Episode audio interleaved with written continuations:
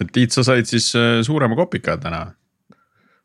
kuule, väga suur kopikas ei olnud, aga täitsa äh, nagu annab tunda ikka jah. okei et sellepärast. ühesõnaga konto peal märkasid. ei no see on see, kui sulle pank saadab SMS-i noh, see on, siis on hoiad hinge kinni noh, kumb, kumb on kas tehti tühjaks või tuli natuke juurde täpselt teine, teine, teinekord, kui sa hoiad hinge kinni, on siis, kui politsei helistab ja ja, jah. ja või, või Maksu- ja Tolliamet emaili saadab ja, jah, täpselt. maa, maamaksuga. maamaksuga. kusjuures huvitav, huvitav seiklus veel elektriautode valdkonnast, et äh, siin. seal on see elektriauto ostutoetus, eks ju, ja siis seal nõutakse mingisugust ähm,. elektri päritolu tunnistuse tühistamise elektroonilist dokumenti. Siis sa hakkad nagu läbi rääkima mingite elektrimüüjatega, et kuule, et mul on vaja elektri päritolutunnistuse tühistamise elektroonilist dokumenti. see on nagu see tõendusdokument, et, et sina ei ole isa või, kas see on põhimõtteliselt sama või? Ja, aga tuleb välja, et Alexela täitsa müüb neid, et, et kuna. et lähed jalutad tanklasse sisse, saad osta päris nii ei ole, aga, aga jah, selles mõttes on sihuke huvitav huvitav kogemus nagu noh, nii-öelda kodanikuna sa tarbid mingit teenust ja siis sulle visatakse mingi sihukene karvapall mida annab arutada, et pole varem isegi kuulnud sihukesest asjast. said sa aru, mille jaoks see on siis? see on selle jaoks, et kuna sa laadid ju või laed autot nagu igal pool on ju, kodus, ma ei tea, suvilas ja nii edasi, sul ei ole igal pool seda rohelise energia värki, on ju. aga see ostutoetus on ainult siis võimalik, kui sul on see rohelise energia nagu noh, et sa kasutad rohelist energiat, on ju. ja siis sa saad pärast hiljem osta siis selle rohelise energia asja nii-öelda. see maksab kaks ja pool eurot ühe megavatt-tunni kohta. ehk siis noh, umbes kolm megavatti kasutasin auto laadimiseks eelmisel aastal siis siis see läheb mulle maksma siis seitse ja pool eurot, et. Ja selleks siis pean tegema mina tööd, siis ma pean, peab tegelema see elektrimüüja tööd. peab tegelema see programmihaldur seal Keskkonnainvesteeringute Keskuses tööd, et seitse ja pool eurot nagu nagu kuidagi nagu ära vormistada. mõtle, kui palju te nagu... elektrit kasutasite selleks, et seda tööd teha. no täpselt, eks ju, et see on nagu mingisugune, mingisugune täiesti nagu arusaamatu tegevus, eks ju. aga noh, niimoodi nende asjadega on, et keegi mõtleb kuskil midagi välja ja kavatsus on hea, aga tulemus on natukene teistsugune. vot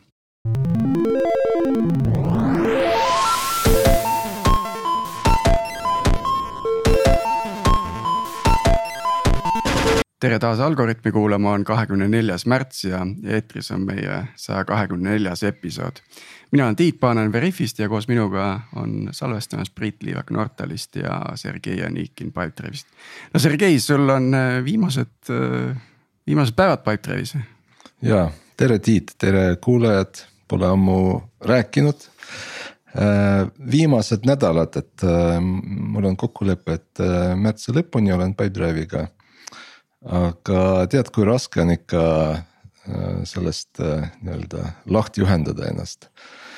et äh, ei, ei ole võimeline üldse mõelda mingisuguse uue pikemaajalise äh, nii-öelda töö peale, et pigem noh, siin on mõned startup'id, kuhu ma olen investeerinud või lihtsalt on ühendust, ühendust võtnud, et siis ma nendega niimoodi aeg-ajalt räägin ja konsulteerin neid, aga ei suuda absoluutselt mõelda mingisuguse täiskohaga töö peale. jah, kas ähm, sul tuli vist kümme pluss aastat sulle? vot ei ole, tundub, et nii pikk, aga ei olnud kaheksa, kaheksa ja natuke peale mm. -hmm. No, aga noh, ikkagi päris pikk ja kuulajatele ka, et salvestame tänast episoodi tegelikult äh, kuu aega varem ehk kui maailm on vahepeal hulluks läinud, siis. Äh, nüüd on Sergei vaba juba jah, et teate arvestada, et me tegelikult eh, kuu aega tagasi oli kõik enam-vähem vanamoodi veel et, et aga lähme tänase saate teema juurde ja, ja täna räägime asutusest, mille nimi on TEHIK ehk siis Tervise ja Heaolu Infosüsteemide Keskus. ja meil on selleks külla kutsutud Martin Õunap, tere. Kes on siis tarkvaraarhitekt Tervise ja Heaolu Infosüsteemide Keskuses ja. Martin, et saame, saame tuttavaks, räägi kuulajatele natukene endast ja mida oled ennem teinud ja mis tööd täna siis TEHIK-us teed mm? -hmm. täna olen ma TEHIK-us, olen peaarhitekti rollis Äh, suurema osa enda, enda nii-öelda siis äh, töö, tööajast. Küll aga on mul ka üks valdkond, on, on töövaldkond, kus koha peal ma olen siis tarkvaraarhitekti rollis ka. ja minu selline tööelu on suuresti olnud seotud riigiga, et äh, ütleme siis päris selline karjäär või IT-karjäär, mida võiks mõista IT mõistes äh, liikumise sai alguse Eesti Energiast Eesti Energiast sai tehtud väga ägedaid asju ja sealt sai väga mõnusa kooli alla. Et see kogemus, mis Eesti Energias ikkagi siin kümme aastat tagasi oli, pluss, et, et see andis hea võimaluse näha, mis siis tehakse sellises natuke suuremas asutuses kui, kui kümne või kahekümne inimesega asutuses tehakse sealt edasi sai liigutud Maanteeametisse ja Maanteeametist äh, tulin TEHIK-usse Teiku kasuks too aeg rääkis lisaks äh, kõigile muudele toredatele väljakutsetele, mis, mis pakkusid huvi ka see, et ta oli mul kodule lähedal, ma kõndisin seitse minutit kontorisse. Noh täna nüüd, kus me saime uue kontori, meil on, ma arvan, et riigimajadest on meil IT-majadest on üks, üks parimaid maju ja üks, üks mõnusamaid keskkondi. et nüüd ma kahjuks tulen viisteist minti jala tööle. see on see Eestis elamise luksus mina teen enamasti kontorist, et, et mul on enda pesakene ilusasti siin olemas ja ma olen katsunud hoida töö ja koduelu natuke lahus, et. Et hakkas segama, et siin koroona alguses sai, sai seda harrastatud. aga ikkagi mingi aeg ta hakkas natukene sellise emotsionaalsele kehale liiga koormavaks, et. et naine ka kodus, et pilti näeb, aga häält ei kuule, siis, siis oli kurb ja, jah, siin on väga huvitav, et tõid välja, et sul on ju, ju kogemus tõesti sealt energiast ja. ja maanteeametist, et mõlemad on siuksed väga mm, toredad e-teenustega väljas olevad ja optimeeritud lahendused, et olen, olen mõlemaga ka hiljuti kokku puutunud, et. et ja olen hästi teenustega rahule jäänud, et Äh, üks, kui sul veel energias kontakte on, siis ma propageerin siin seda, et, et energia tooks sinna äh, tarbimisgraafikule ka temperatuuri, päeva keskmise temperatuuri kõverad, et ma saaksin äh, näiteks aru, et mul on nagu minu tavatarbimis nii-öelda normaliseeritud nivoost äh, mingisugune hälve näiteks tekkinud, et mm -hmm. siis. Äh, kes sellest äh, lähemalt siis... kuulda tahab, siis Tiit räägib sellest pikalt saja üheksateistkümnendas episoodis kus meil oli ka endise Eesti Energia taustaga inimene külas. ai praegu ta on vist Eesti Energias isegi jah. praegu on Eesti Energias jah, et, et väike feature request läheb jälle sinna suunas, et äkki keegi kuulab, võtab kinni. et minu arust see on nagu selline nagu nii-öelda lisaväärtust pakkuv teenus, äh, kus tegelikult andmed on teil täna olemas juba. et te võiksite vabalt äh, või Energia võiks vabalt saata siis. mul äh, üldse, üldse tuli selline idee, et äkki selles podcast'is võiks väike rubriik olla, et feature request või nagu. et ja. kasutajad, kuna meid kuulavad arendajaid üle kogu Eesti ja siis põhimõtteliselt võiks ju suvalise infosüsteemi vastu pakkuda mingeid uuendusi ja äkki arend-, mõni arendaja, kes on selle süsteemiga tegelev teeb selle ära mm. -hmm. aga kuna on olemas grupp äh, proge ja pane ennast põlema, siis ei saa olla nagu need äh, probleemsed, et noh, et ma ei tea, et. mis drop down see on, see on kasutamatu, et see peab ikka päris uus feature olema ja, ja äh, innovatsioon. Backlog'i algoritmist siis backlog'i soovitused äh, järgmistesse sprintidesse. jah, umbes nii, et mul on kohe siin rida asju, mida ma Keskkonnainvesteeringute Keskusele võin soovitada mm. -hmm. sul TEHIK-ule Aga... ka midagi on seal äkki ju, Tiit? Äh, peab, peab mõtlema, et digiloos olen käinud järjest tihemini, et, et ta ei ole veel päris samal tasemel kui elektri hinna jälgimine, mis on sisuliselt võrdne juba nagu ma arvan, et Time'i paljak võiks nagu Aktuaalse kaamera lõpus nagu teha kiire sellise elektri hinna kõikumise rubriigi ka, et et seda sa jälgid enam-vähem sama, sama põngsalt tänapäeval kui ilma. kuulge, aga mul tekkis mõte, et, et kas meil ei ole nagu avalike riigi sektori teenustele sellist avalikku ettepanekute mingisugust süsteemi, kus inimesed saaksid hääletada, et vot ma tahan sellist feature'it ja ma tahan. avatud backlog avatud backlog jah. kogukonna tegelikult..., kogukonna moodi arendus siis põhimõtteliselt on ju. jah, sest paljud firmad tegelikult teevad see, noh, ma tean, Atlassian on kunagi harrastanud sellist avatud backlog'i ja. uh, ma, riik peaks kohe paar-kolm inimest võtma, kes seda backlog'i nagu sirvima hakkavad ja sealt seda, seda. ei no nad ei pea kogu backlog'i sirvima, nad äh, sirvivad ainult top viis näiteks, mis on. aa, et see on, see on nii-öelda community poolt nagu hääletatud ka on ju, nagu Atlassian teeb, kõik vihkavad no, seda. nojah, see on. GitHubis üks... saad linnukesi juurde ja, ja. saad ülespoole. üks äh, hea näide, kui keegi pole veel vaadanud, siis vaadake GitLabi. et GitLabis on siis ähm, sisuliselt kogu visioonstrateegia eh, ja ka nii-öelda väärtused eh, ja protsess eh, avalik, mis tund-, sa loed seda dokumentatsiooni ja see tundub, et see on nagu, nagu see oleks lekkinud. aga see on meelega tehtud avalikuks, et see on nagu väga huvitav, huvitav lähenemine ja. ja, ja seal on sisuliselt öeldud ära, et millal sa saad CTO-ga rääkida, et noh, nagu, nagu seal nagu kõik asjad on nagu detailideni lahti löödud. vot aga lähme tänase teema juurde ja, ja vaatame tehikusse sisse mm. -hmm. et, et äh, kes, kes, kes teil seal üldse töötavad ja, ja mis teenused äh, teie, teie katta on? meie katta, et noh, kuidas me kõige lihtsam on võib-olla öelda, et TEHIK on äh, Sotsmini IT-asutus. me pakume Sotsmini all olevatele asutustele teenuseid ja, ja kui nüüd võtta kokku, et mis on see meie teenuste hulk, siis meie teenused algavad ennem sündi ja lõpevad pärast inimese sündi, et. Äh, surma e. või tähendab surma jah, vabandust. ja, ja seal kõik see, mis vahepeal toimub mm. -hmm. aga nüüd.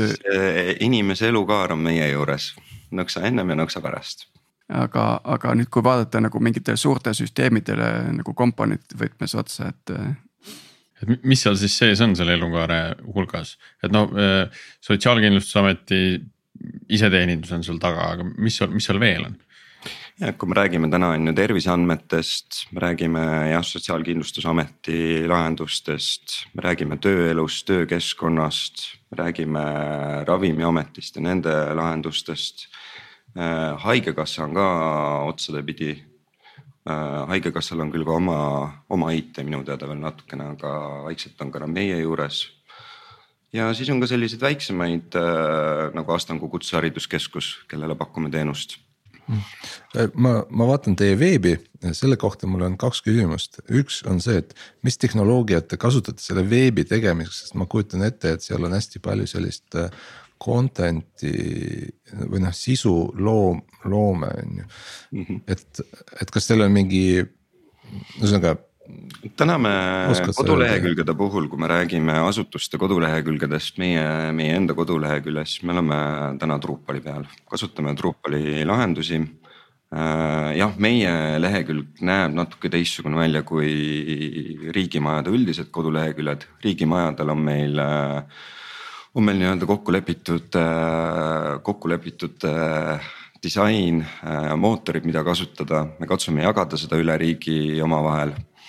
et siin ERMit veab eest näiteks nagu meie siis nii-öelda seda poolt, mismoodi meie koduleheküljed riigis välja näevad aga samas ma võtsin ette näiteks huvi pärast ka SMIT-i kodulehe ja noh, see on samamoodi riigiasutuste äh, lehtedest hoopis teist, teist nägu, eks ole, et noh, tundub, et IT-majad saavad natuke rohkem vabadust äh, asju teistmoodi teha.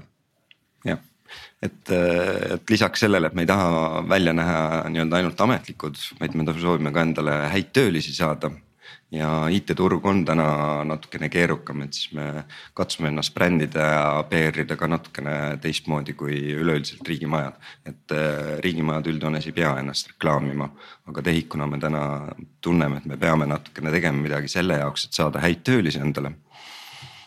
aga mis see väärtuspakkumine nagu arendajale on, et, et, et, et te, me oleme tegelikult sellest päris mitmes episoodis rääkinud, et, et mis on see riiki tööle minemise. Äh, võlud ja valud. komm, komm mm, -hmm. eks ju, et, et miks see peaks nagu huvitav olema, et aga hea oleks jälle võib-olla sinu käest uuesti kuulata, kuulda seda, et. Äh, TEHIK-uga ütleme niimoodi, et arendajad meil otse täna tööl ei ole et äh, kui me räägime täna TEHIK-ust ja kui me räägime Sotsmini all olevatest asutustest, siis äh, me teeme väga tugevalt koostööd erasektoriga. me äh, täna hangime arendustöid sisse, me teeme koostööd analüüsifaasis, arendusfaasis kui ka osadel puhkudel lansseerimisfaasis. et, et see on see koht, kus me kus ma arvan, me ei taha ise tulla sinna turule, kus me peame hakkama arendajate elukaare eest vastutama mm -hmm. ja neid arendama, et et sellega saavad palju paremini hakkama erasektoris olevad asutused. küll aga meil on vaja hoida neid äh, tulemusi elus ja, ja on selline op-kiht, äh, ärianalüütika kiht ja, ja see pool on kõik mede pool. ja mis, miks, miks riiki tulla üleüldse, et äh, noh, mina olen võiks öelda, et kolmas põlvkond äh, riigitöölisi enda, enda perekonnas siis nii-öelda, et mul isa oli riigitööline, on riigitööline. mul vanaisa põhimõtteliselt võib öelda, et oli riigitööline. see on natuke nagu veres see juba see on veres ja sealt on ka kodus kaasa tulnud selline kasvatus natukene, et, et on asju, mida ma ei tee raha pärast ja ma teen midagi selle jaoks, et oleks parem kõigil. et ma teen midagi selle jaoks, et minu laps saaks tunda ennast siin riigis paremini ja tema lapsed paremini ja mis saab veel parem koht olla kui Sotsmin IT-asutus selle jaoks, et kui ma saan, saame siin nagu teha ja me mõjutame kõigi inimeste elusid siin.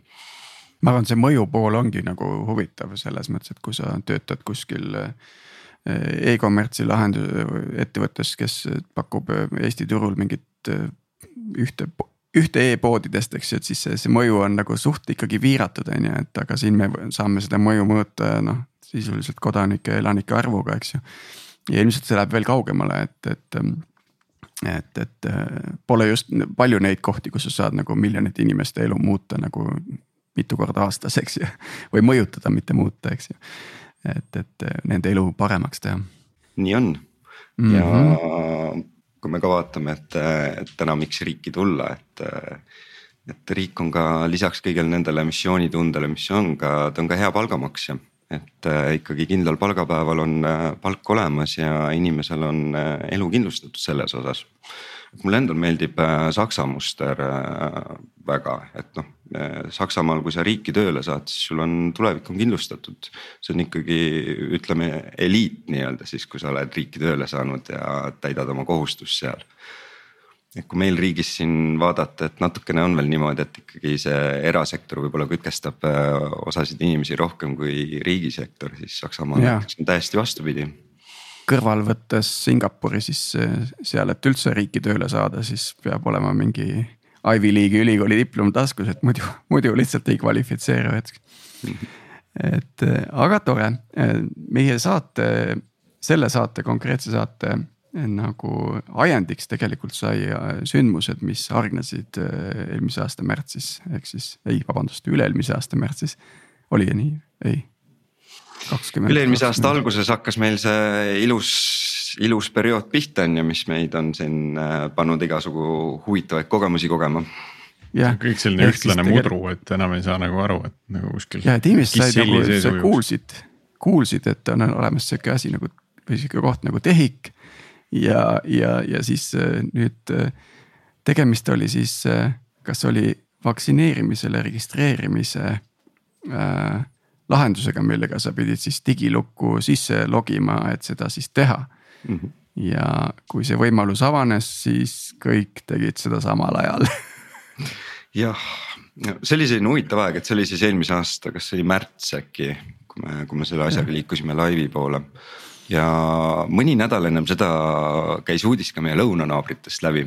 Ja lugesin seda huviga ja ajakirjandus kiitis, kuidas meil lõunanaabrid said ilusasti asjadega hakkama, inimesed seisid õues järjekorras. No ja siis tulime meie oma digilahendusega, panime järjekorra digitaalselt, et inimesed ei peaks õues olema. ja meil oli halb lahendus, et see oli nagu selline väga huvitav hetk ja ja noh, tegelikult see oli see aeg ka, kus me asutuses natukene võtsime otsuse, et me nüüd äh, lihtsalt katsume ajakirjandust mitte lugeda, et mitte ennast katki teha. sest me mm -hmm. see periood, et kui me räägime siin Covidist, et üks on see, mida te, mis paistab välja, et me panime ette järjekorra lahenduse. aga teine on see, et kogu see eelnev periood ja meie elustiil oli oli parajalt startuplik, et, et öösel kell kolm, kell neli sai koosolekuid pidada partneritega õhtul tulid otsused äh, ülevalt valitsusest, äh, mis olid vahepeal hommikuks ära lahendada, et siis oli selline paras, paras elutempo peal, et kolm-neli tundi und mõnikord, mõnikord ei saanud sedagi. ja siis selle, selle kõrvalt äh, ei saanud lihtsalt lubada endale enam ajakirjandust lugeda, et lihtsalt emotsionaalne keha ei pidanud vastu.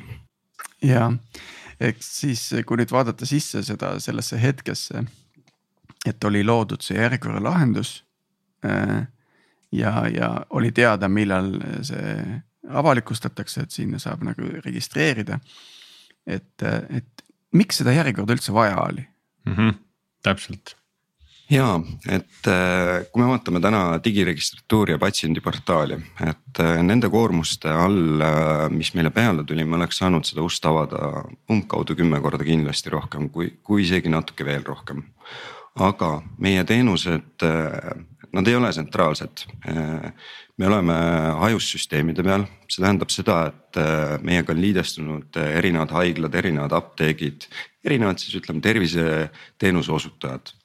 ja terviseteenuse osutajate eesmärk ei ole täna IT-teenust pakkuda, nad pakuvad oma teenust, nad pakuvad, et äh, võtame PERH-i, et PERH saaks tagada kvaliteetset teenust endal majas sees, nad on kõik selle nimel teinud ja nüüd, kui meie hakkasime enda esiuksest natuke rohkem läbi laskma, tähendas seda, et äh, ka PERH-i poole jõudis järjest rohkem neid äh, päringuid või siis mõne muu TTO poole.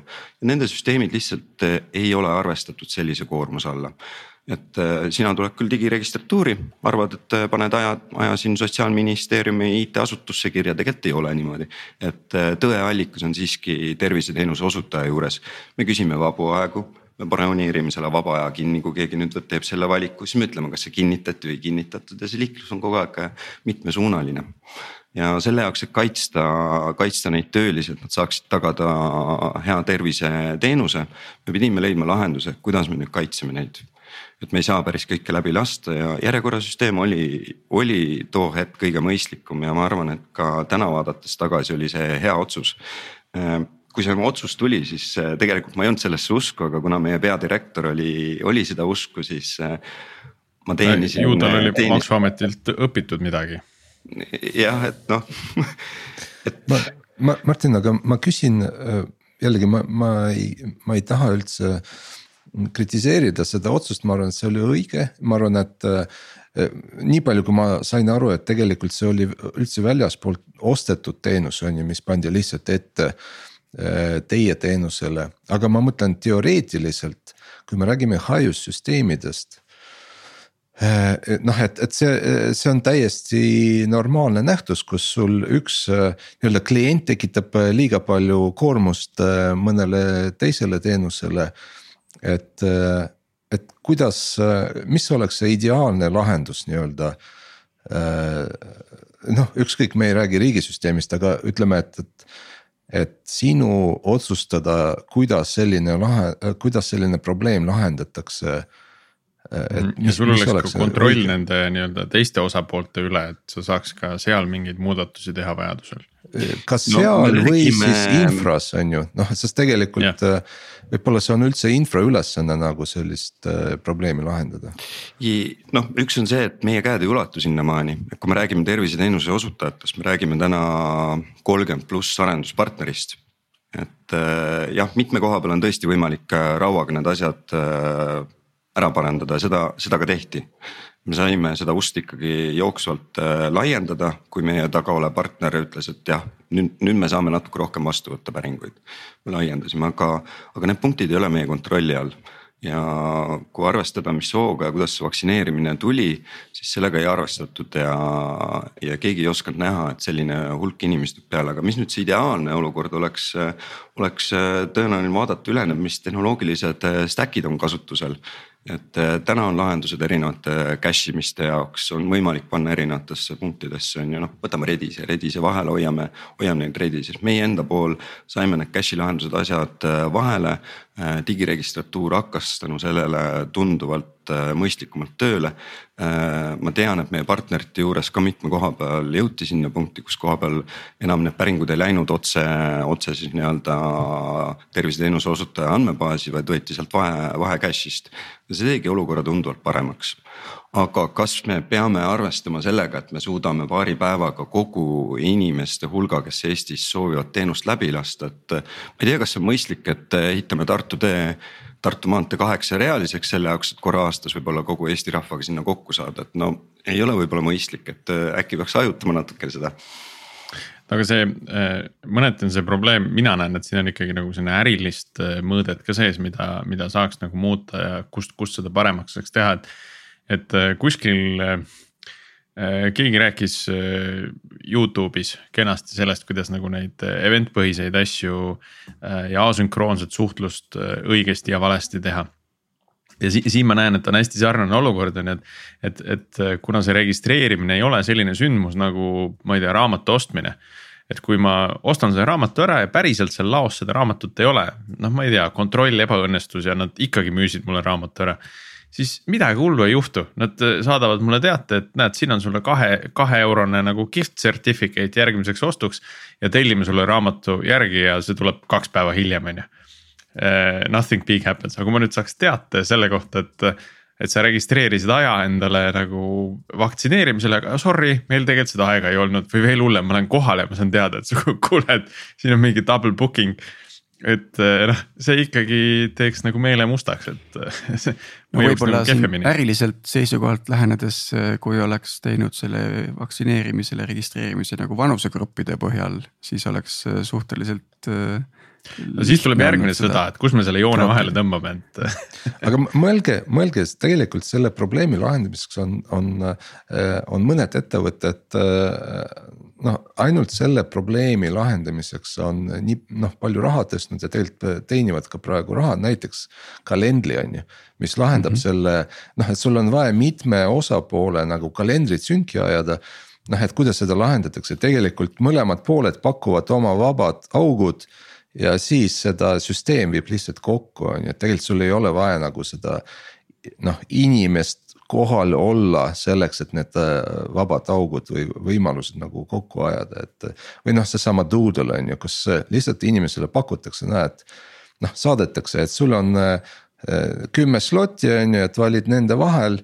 ja nii kui inimene on valinud need ülejäänud slot'id lastakse vabaks, pakutakse järgmistele on ju, et, et.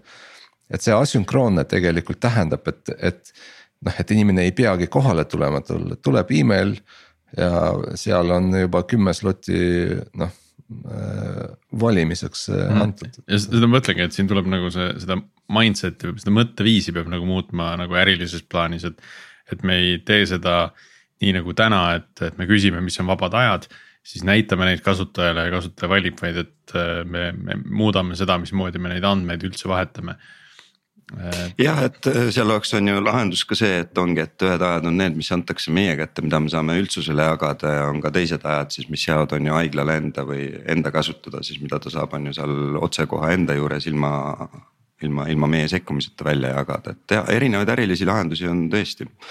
et aga need otsused on meie otsused ja meie ei saa neid otsuseid teha kahjuks.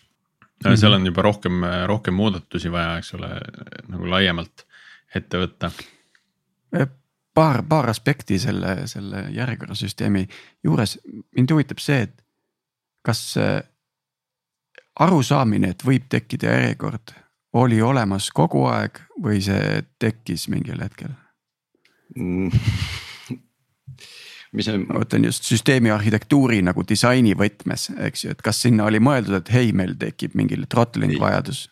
Ei okay., see, see oli päevade küsimus, et me saime selle mm -hmm. asja, et me nägime, nägime neid kohti, kus me hakkasime juba tekitama olukorda, kus kohapeal terviseteenuse osutajad ei saa oma majas sees tööd teha mm. -hmm. see oli see koht, kus tuli väga kiirelt tegutseda, et nüüd mingi lahendus leida. ja, ja mis tähendab seda, et lahenduse elegantsus ei ole, ei ole noh ei ole tõenäoliselt see, mida kõik oleks tahtnud saavutada, eks ju. no elutähtsa teenuse juures tihtilugu me ei saa sellega sellel hetkel arvestada, et see ilus välja näeks, et UX oleks ilus ja me küll ajas proovisime lõpuks seal disaini ja siis nii-öelda selle järjekorrasüsteemi teenuse pakkujaga leida viisi, et kuidagi teda ilusamaks teha, no ta, ta oli kole, ma olen, ma olen nõus, ta oli kole, aga ta töötas. Jah, ja teine aspekt, mis on huvitav ja seda ma olen märganud ka oma töös, et, et kõik kriisid tegelikult näitavad väga kiiresti ja tekitavad väga kiiret äh, progressi. Äh, et, et eh, mingite juba varem ammu teadaolevate asjade lahendamiseks, eks ju, et. et kui sa suutsid juba seal paari päevaga nagu cash'id sinna-tänna vahele ehitada, eks ju, et. et siis, siis tõenäoliselt see noh, on nagu asi, mille peale mille peale kõik mõtlesid varem ka, aga aga otsest vajadust sellel hetkel ei olnud, on ju.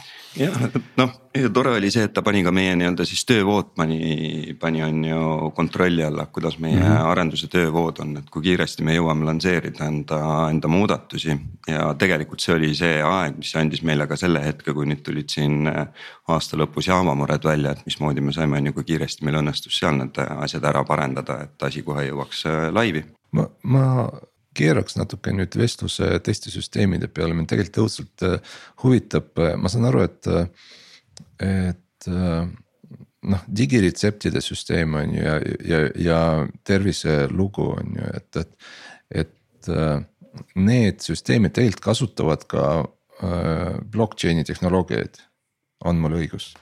tervise infosüsteemi kesksüsteemis on võimekus räsiahela jaoks olemas kuna ma ei ole ise selle süsteemi, ma ei, ma ei ole täna sinna kõhtu otsa vaadanud, on ju, kas ta on sisse lülitatud või ei ole, aga võimekus on olemas, räsi ajal on olemas, terviklikkuse tagamine on meil olemas. et, et see võimekus on tõesti olemas ja sellega, see juba planeeriti kümme aastat tagasi äkki või kuskil sealkandis juba oli see võimekus on ju meil ma, ma, miks ma küsin, et noh, kõik meie e-teenused on tegelikult sellised riigisisesed, on ju, aga, aga ja noh, see on arusaadav, et meil on äh, X-tee, mis, äh, mis kunagi nii-öelda infraks äh, pandi alla ja nüüd kõik teenused kasutavad seda.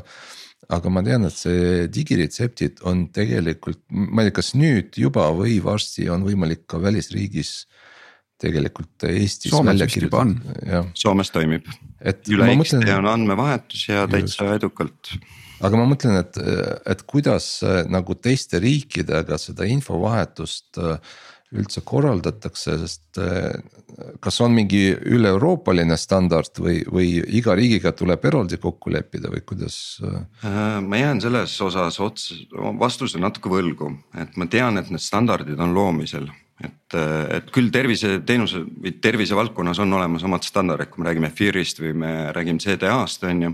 et eh, nii-öelda viis, kuidas omavahel terviseandmeid vahetada, on olemas kuidas nüüd see üle Euroopa hakkab äh, välja kujunema ja nägema, eks, eks seda näitab aeg meile.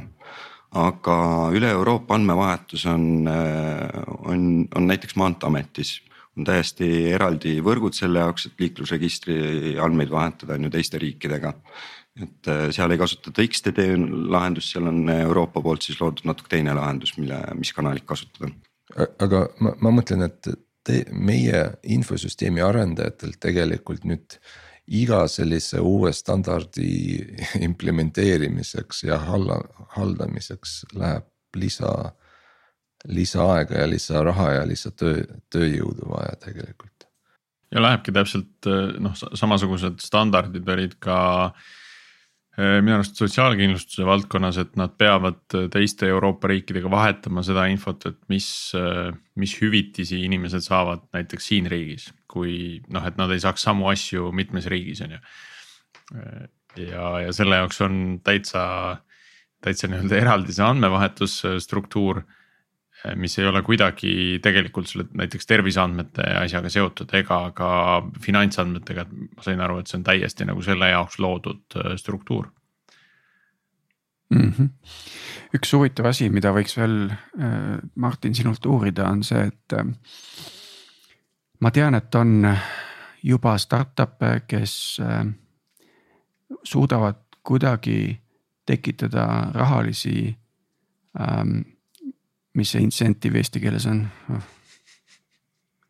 hüvesid või mhm, no lähme, ma lähen kohe tõlkima, vaatame. Tõlgi ära kohe kiiresti. Äh, ehk siis kui ma teen rohkem trenni, siis see toob mulle rohkem sisse et eh, see, see on asi, mida. stiimul on see. stiimul just, just rahalisi stiimuleid. et, eh, et see on asi, mis nagu noh, inimese tervislik käitumine on nagu see tervishoiusüsteem tegeleb tagajärgedega, eks ju inimene tegeleb põhjustega, on ju.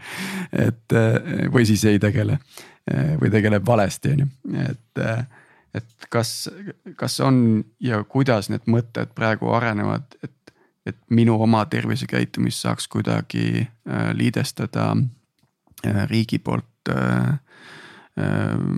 pakutavaga ja selle tulem võiks olla siis mingisuguse käitumise tunnustamine mm -hmm.. noh, oota Tiit, ma täpsustan nüüd, et sa mõtled siin seda, et, et sinu Polari äpp saadab nagu otse sinna. ja äh, mida rohkem ma jooksen või kõnnin või jõusaalis. Äh, seda kiiremini sa saad arsti ajada. seda vähem ma makse maksan, ütlesin selle praegu välja mulle meeldiks no. teine variant ka, et seda kiiremini sa saad arsti juurde no mina usun ikkagi sellisesse natukene õigusriiki ja võrdsusesse ja ma olen võib-olla ka oma, oma sisemiselt rohkem sotsialistlikum või sotsiaalsete maailmavaadetega kui ülejäänud, et. et ma arvan, et see ei peaks olema niimoodi, et ma nüüd teen midagi siin, teen midagi ja tänu sellele riik soodustab mu makse, et see, see kõlab natuke nagu. kõlab natuke nagu võib-olla niimoodi, kuhu ma ei tahaks, et see riik liiguks aga, see, aga me oleme liikunud... rääkinud äh, sellest, et tõesti, et need käekelladest äh, terviseandmed näiteks, sa käid jooksmas, sinu südamerütm, kuidas sinu hingamine on, milline on sinu äh, hapnikusisaldus veres parasjagu, kui sa teed, on ju koormust. et jah, et tore oleks need andmed kokku koguda ja see näiteks perearsti lauale anda. et see ei ole võib-olla see, mille pealt ta teeb otsuse, kas sulle ravim välja kirjutada. aga ta saab selle pealt teha otsuse, kuidas sul läheb, mismoodi sa tunned ennast ja kas sa oled siis ütleme oma vanusega selle joone peal, kus sa võiksid olla või võiksid midagi paremaks teha. et selliseid soovitusi me võiksime küll riigina tõesti anda ja sinnapoole me on ju liigume, et järjest rohkem, et sellised otsused moodi lahendused on meil juba vaikselt tulemas, kus koha peal vaatame erinevad andmestikku kokku ja saame anda perearsti lauale otsu-, nii-öelda otsuse toe, et, et, et mis toetaks perearsti otsuse tegemisel mm. -hmm. aga alati on see perearst seal vahel, et ei ole nagu sellist äh, noh, mingitest sellistest mudelitest nagu juttu ei ole, mis, mis mulle endale soovitaksid, et noh, nüüd mine arsti juurde, et. Et, et ma näen, näeme siin, ma ei tea, südamerütmis mingisuguseid asju, noh, ta ei pea ütlema isegi, mis ta näeb, eks ole, aga noh äh, aga, aga see on juba Priit ju ärilised, ärilised teenused nende andmete peal, et et ma näen, et see võimekus on olemas loomulikult, kui me selliseid andmeid hakkame kokku korjama. me saame hakata tegema selliseid pakkumisi inimesele, aga see peab olema äriline otsus. et me TEHIK-una saame natukene suunata võib-olla enda äri, aga kogu see pool peab hakkama nende poolt pihta. Nende soov, nende eesmärgid ma küsiks, et mis andmeid teil juba on tegelikult, et äh, inimese kohta, mille pealt saaks selliseid otsuseid teha? kas on, kas on seda laadi andmeid üldse? Äh, sedalaadi andmed, ütleme käekelladest äh, sinu hapnikusisaldus jooksmise ajal tõesti ei ole, on ju.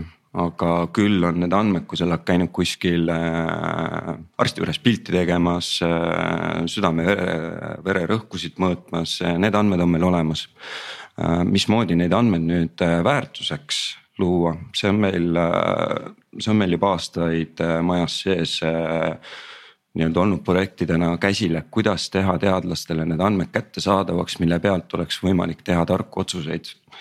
et äh, kui me näiteks annaks Tartu Ülikoolile teatud andmeseti kätte sellisel kujul, et isikuandmed, et sinu isikuandmed, et sina kui isik ei lekiks sealt ja kui me leiame sellise viisi. siis oleks võimalik on ju Tartu Ülikoolil teha huvitavaid mudeleid ja kui sealt peaks välja tulema, et äh, see isik ülehomme on väga kriitilises seisus. siis oleks meil ka viis, kuidas see tagurpidi keerata, et selle inimesega ühendust võtta, aga siis juba on ju riigil, mitte, mitte ülikoolil aga täna meil ei ole, ei ole selliseid häid viise, kuidas andmeid pseudonüümiseerida ära, et äh, meil on täitsa pseudonüümiseerimise projekt on andmelao poole peal käsil või andmelao tiimil.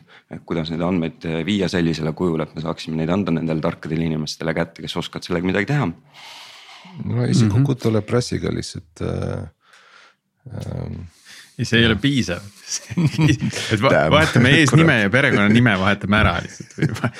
asendame mõned tähed ja, ja võib-olla ei ole ka vot, et seal hakkavadki need on ju, mis hetkel ma saan andmed kokku viia, et äh, mäletan siin aastaid tagasi ma lugesin ühte blogi ühest huvitavast katsest jälgiti ühe nurgapealse poe kassatšekke, kust võeti ära siis need kaardiandmed ja andmed lihtsalt, et mida osteti, list, mida osteti. ja jälgiti ka siis Facebooki voogu ja kas too aeg oli veel, Orkut oli veel või on, no igal juhul jälgiti neid sotsiaalmeedia voogusid. ja kas paari nädalaga suudeti siis see kassatšekk ja inimene kokku viia et noh, sellest, mida inimene siis jagab, kus ta teeb pilti on ju ja siis ta läheb, käib seal poes, ostab on ju, ostab paki suitsu, siis on võimalik öelda, et näed, see inimene on suitsetaja lõpuks. Mm.. ja seda siis nii-öelda selliste andmete pealt, et noh, ei oleks tulnud ka selle peale, et sa viid kassatšeki kunagi niimoodi kokku inimesega et need on need riskid, millega me riigis peame arvestama, et äh, mina ei saaks teile otsa vaadata, kui ma tänases olukorras annaksin need andmed kuskile välja, mille pealt äh, lõpuks keegi viib äh, kokku selle inimese ja võib-olla tänu sellele hakkab sulle tulema huvitavaid pakkumisi, kas meili või siis.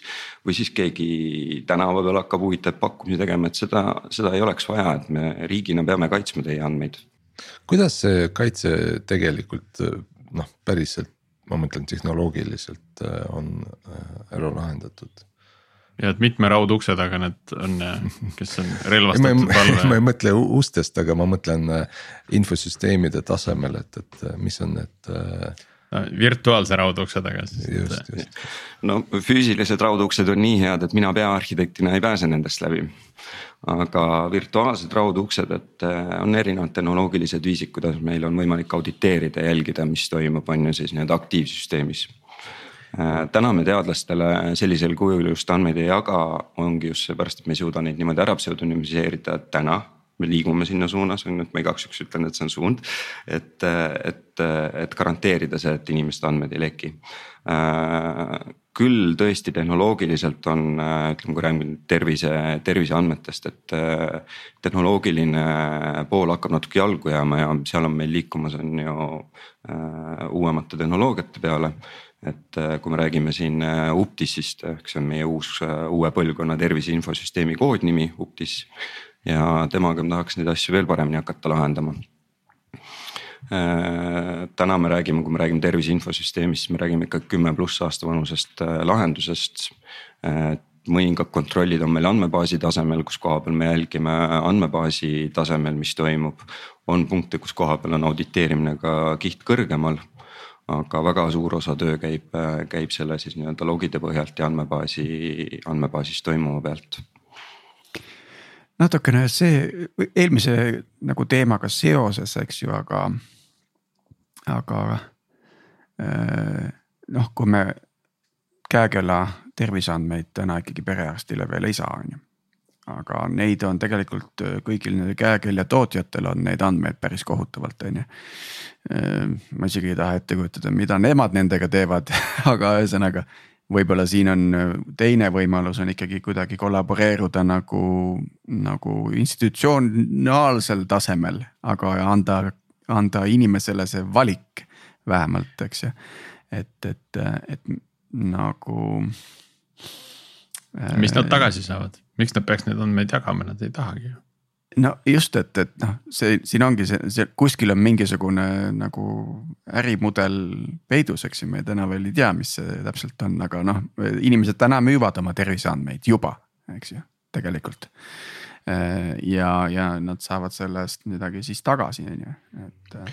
noh, tegelikult see võib olla, võibki olla inimese enda otsus, on ju, kui Just. riigi infosüsteem äh, võimaldaks või liidestaks nende terviseandmete süsteemidega, näiteks Apple Health rakendus on ju, et kui sealt oleks võimalik need andmed kuidagi kätte saada ja siis upload ida nii-öelda oma, oma arstile no võib-olla see on siis nõusolekuteenuse pärusmaa, et, et paneme need API access'id, API access key'd paneme sinna nõusolekuteenusesse sisse. et ma annan ligipääsu enda siis mingite kellaandmetele, on ju. ja, ja siis, kui tekib kasutaja, siis, siis tal on võimalik seda, seda tarbida, seda, seda otspunkti. Jah, et äh, Priit, sul oli nagu suund on vaikselt õige, et tõesti, et meil on riigis on ju nõusolekuteenus on käimas. täna me küll vaatame seda, ta on mitmeetapiline. Äh, esimene fookus on vast meil see, kuidas sina saaksid neid andmeid, mis on riigi käes hakata jagama, on ju siis teiste osapooltega küll, küll see asi tõenäoliselt saab ka kahesuunaliseks, et äh, teiselt poolt saaksid sina ka riiki tuua andmeid juurde aga eks vaatab, kuhu me jõuame selle nõusoleku teenuste selle poolega välja, et mis need äh, äri case'id hakkavad seal olema. et äh, väga palju on selliseid lahedaid ideid, aga üks asi, mida me peame ka endal siin meeles hoidma, et meil on äh, on teatud hulk seadusi, mis tahavad ka ajas, ajas digitaalseid lahendusi, mis on ka meile kohustuseks antud, et kogu nende ägedate asjade kõrvalt me peame ka selle poolega tegelema ja me ei saa seda ka unustada ära Mm -hmm. ja kui me võtame nüüd on ju, et täna TEHIK-us on tööl sada seitsekümmend, sada kaheksakümmend, sada kuuskümmend inimest. Pole palju no ei ole palju ja me peame kõike seda on ju suutma ära lansseerida, elus hoida, jah, me teeme arendustöid on ju partneritega, erasektoriga koostöös. et siis meil on piiratud jõuhulk, et mida me suudame selle piiratud jõuhulgaga teha niimoodi, et me saaksime tagada kvaliteetse teenuse.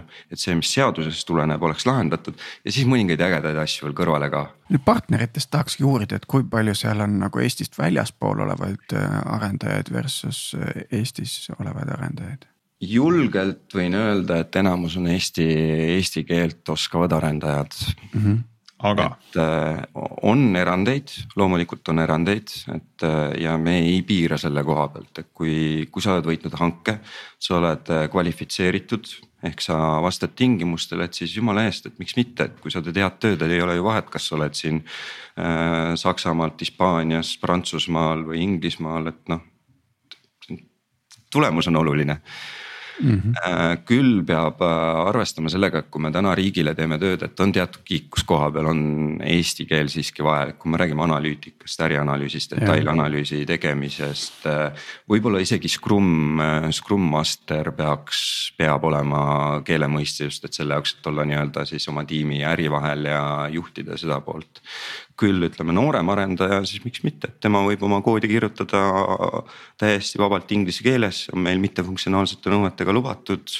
kommenteerib ka inglise keeles, küll keegi peab siis olema see, kes teeb selle eestikeelse poole ära siis ka nii-öelda, mis tuleb siis nii-öelda ärile üle anda.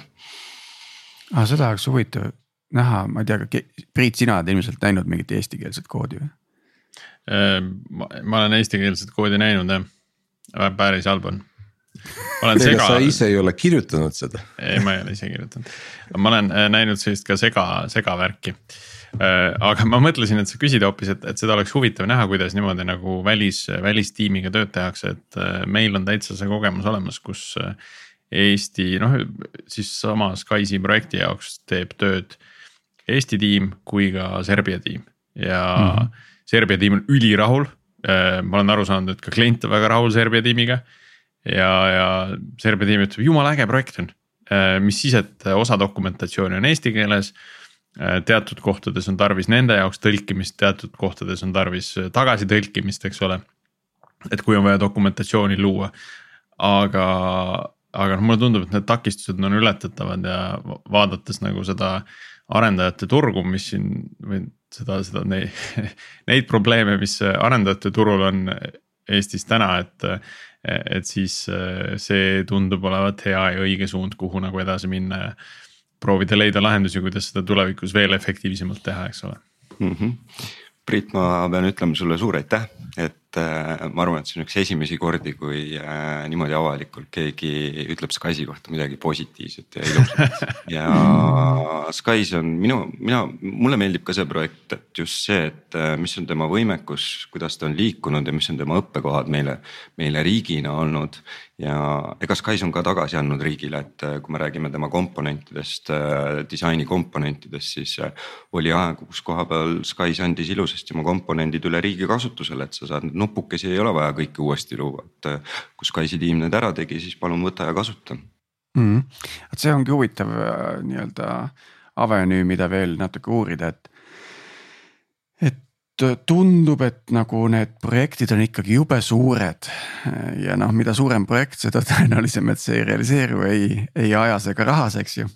et või siis äh, on mingisugune mõte nagu mingisuguste, ma ei tea, kas mingi micro front-end'ide mingi üksikute komponentide tellimiseks, mis on nagu iteratiivne arendus on nagu, võimalik ja. ja nagu põhimõtteliselt äh, esmaspäeval alustan ja neljapäeval on laivis on ju et, et kuidas see balanss täna nagu on? Äh, vanad süsteemid on suuresti monoliidid, äh, kõik mm -hmm. uued lahendused, mis meile majja tulevad, äh, me suuname ennast pilvetehnoloogiatele. me suuname oma partnereid pilvetehnoloogiatele, pilvetehnoloogiate all ma siis mõtlen täna suuresti konteinerlahendusi mida oleks võimalik siis komponendi kaupa lansseerida, laiendada, parendada. me oleme kasutamas mikroteenuste mustreid ja liigume ka mikroesitluskihi mustrite poole. mikroesitluskihti me tegelikult esimene aasta nüüd katsetame, vaatame, kuidas meil välja kujuneb. see on minu jaoks üks loogiline samm selle jaoks, et kui me riigina ühte nägu tahame näha ja kui meil on mikroesitluskihid olemas, siis meil oleks võimalik, et noh kujuta ette, meil on suur riigimaja, esimesel korrusel tegeleme autentimisega. ja edasi lähed sa siis, kuhu sul teenust on vaja et see kõik näeb nagu ühtemoodi välja, aga teenused tulevad tegelikult erinevatest punktidest. aga et noh, see ongi, et kui me saame nüüd ennast mikroesitluskihtide peale sarnase disaini peale, siis lõpuks inimene ei tee enam vahet, kas ta on siin äh, sotsiaalkindlustusameti iseteenindus, tööinspektsiooni iseteeninduses äh,, ravimiameti iseteeninduses, et äh, et inimene ei peaks tegema vahet selle koha peal, aga see ongi see, et, et esimene samm minu jaoks on see, et ühtne väljanägemine ja mikroesitluskihid. Ja kui me oleme lahendanud mikroesitluskihid ära, siis võib-olla hakkame me rääkima sellest, et kuidas Eesti.ee tõmbab need mikroesitluskihid kokku, võib-olla. et noh, täna käib andmevahetus Eesti.ee-ga üle X-tee on ju, aga miks?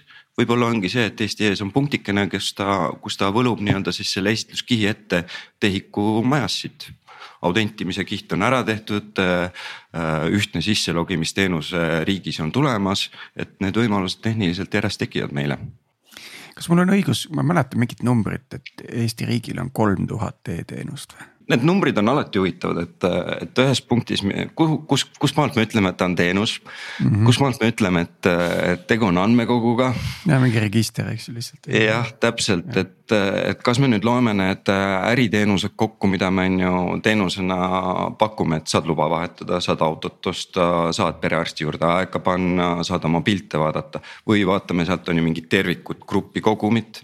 et ku, kuidas ja mida me nüüd nimetame siin teenuseks et need numbrid on väga-väga erinevates suurusjärkudes. et TEHIK-us ka, et ma võin öelda siin numbri, et mul on üheksakümmend pluss teenust. Ma võin öelda numbri, et mul on kakssada seitsekümmend pluss teenust ja need mm -hmm. mõlemad on tõesed ma siin osalesin hiljuti selle riigi digiteenuste konkursil nimega Sulg ja, ja seal oli väga põnevaid projekte. aga üks äh, asi, mis kuidagi nagu joonistus välja või, või mustrina oli näha, et, et need projektid on ikkagi mingisuguse lokaalse probleemi lahendamiseks, et. Et ma tean, et sellest teenusepõhinisest lähenemisest on riigis nagu räägitud pikalt, eks ju, et mingisugused silotornide vahelised sillad, sildu hakatakse ehitama, eks ju. ja see, nende eesmärk on siis nagu teenindada seda kodaniku flow'd nagu noh, nagu sa tõid alguses välja, see elukaar, eks ju, et te tegelikult katate kogu elukaare on ju aga sealt elukaares on igast mingi autodega ja korteritega ja kõigega seotud asju, eks ju, mis või omavalitsustega, mis on, mis läheb teie valdkonnast nagu välja, on ju. Et kaugel see teenustepõhine mõtlemine nagu, nagu, et inimene oleks seal keskel nagu, kaugel see on? ma saan aru, et eh, see on MKM-i projekt, see jookseb püsivalt.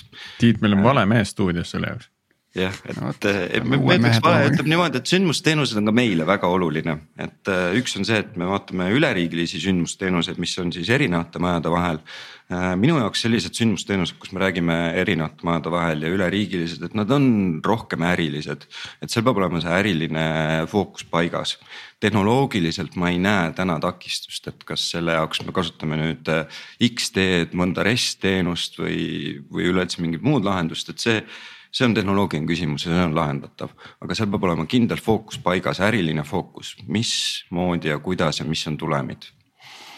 Et äh, minu jaoks täna pigem nagu see äripool ja see pool on see, mis tahab saada selliste sündmusteenuste puhul võib-olla tugevat fookust ja küll me IT-s ära lahendame.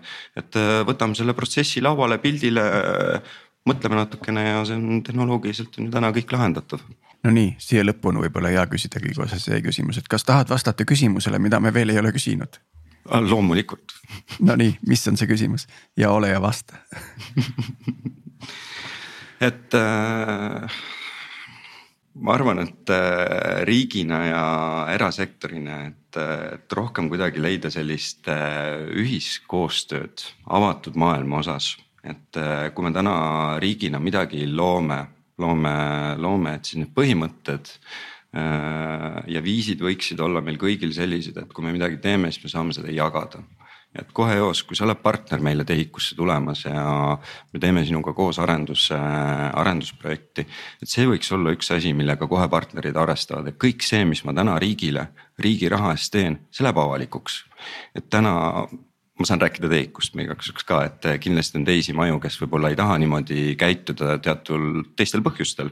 aga meie täna TEHIK-una oleme Sotsmini IT, meil on väga selgelt äh, seadusepunktid ees, mis me peame ära täitma, see tähendab, et see, mida me teeme, on avalik riigi teate on avalik ja kirjas, seega see tulem ka, mida me teeme riigi raha eest peaks olema eos kohe arvestatud avalikkusele koodi tasemel näitamiseks. Selle jaoks, et võib-olla mõni erasektoris olev äh, asutus leiab sellest ka äri ja tahab sellest äri teha, et miks mitte, miks me riigina piirame seda või siis partnerina, kes oled riigi rahast midagi loonud. et ei peaks olema, on ju seda punkti, et ei, nüüd ei tohi avalikuks teha, et pigem, et see on riigile tulnud, riigi omand, see tähendab riik, kes me oleme, me oleme kõik, see tähendab, see on meie kõigi kasutada.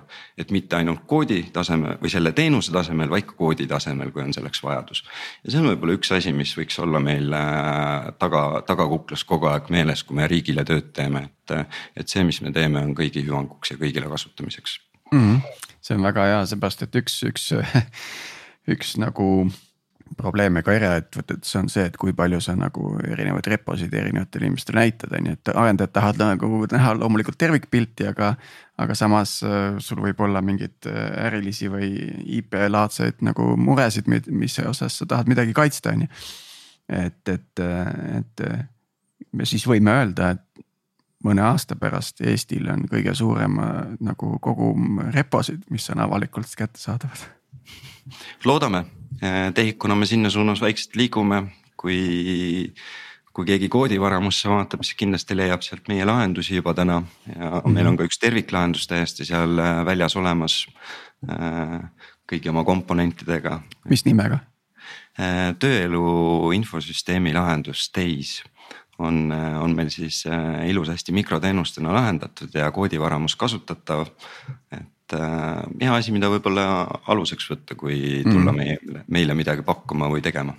no mingil hetkel saab riigis nende lühendite nagu lühendid saavad ka otsa, et et see on huvitav, kuidas see, see nimekonventsioon edasi areneb, et. ma arvasin seda viis aastat tagasi ka mulle, mulle hästi meeldib see, et ma juba suudan nagu tuletada neid lühendeid ja vastupidi ka, et. nii, nii, seal on ikkagi mingi algoritm taga, eks ju. ja, ja. Just selle kohta ma nägin ühte äh, väikse naljasketši, kus äh, noh. samamoodi nagu väide oli, et igale äh, tähekombinatsioonile on mingisugune tõlgendus olemas, et võite guugeldada, proovida, et kindlasti leiate ükskõik suvaline tähtede kombinatsioon. väga tore aga sellega nüüd tõmbaks tänasele saatele ka joone alla, et aitäh, Martin, et äh, olid meiega ja aitäh, Priit ja Sergei, et aitasite äh, seda saadet vedada ja ka, ka loomulikult kõigile kuulajatele. Äh, veel kord üleskutse, kirjutage, joonistage meile, joonistusi pole endiselt saabunud. et ja sisuks siis uued saateideed, potentsiaalsed külalised, mured, lükake ümber mõned asjad, mis, mis nagu, mida me siin välja jahvatame, et et, et räägime ja, ja arutame ja, ja siin nii saab seda algoritmi edasi järjest huvitavamaks teha. tänud kõigile ja kuulmiseni juba järgmisel nädalal.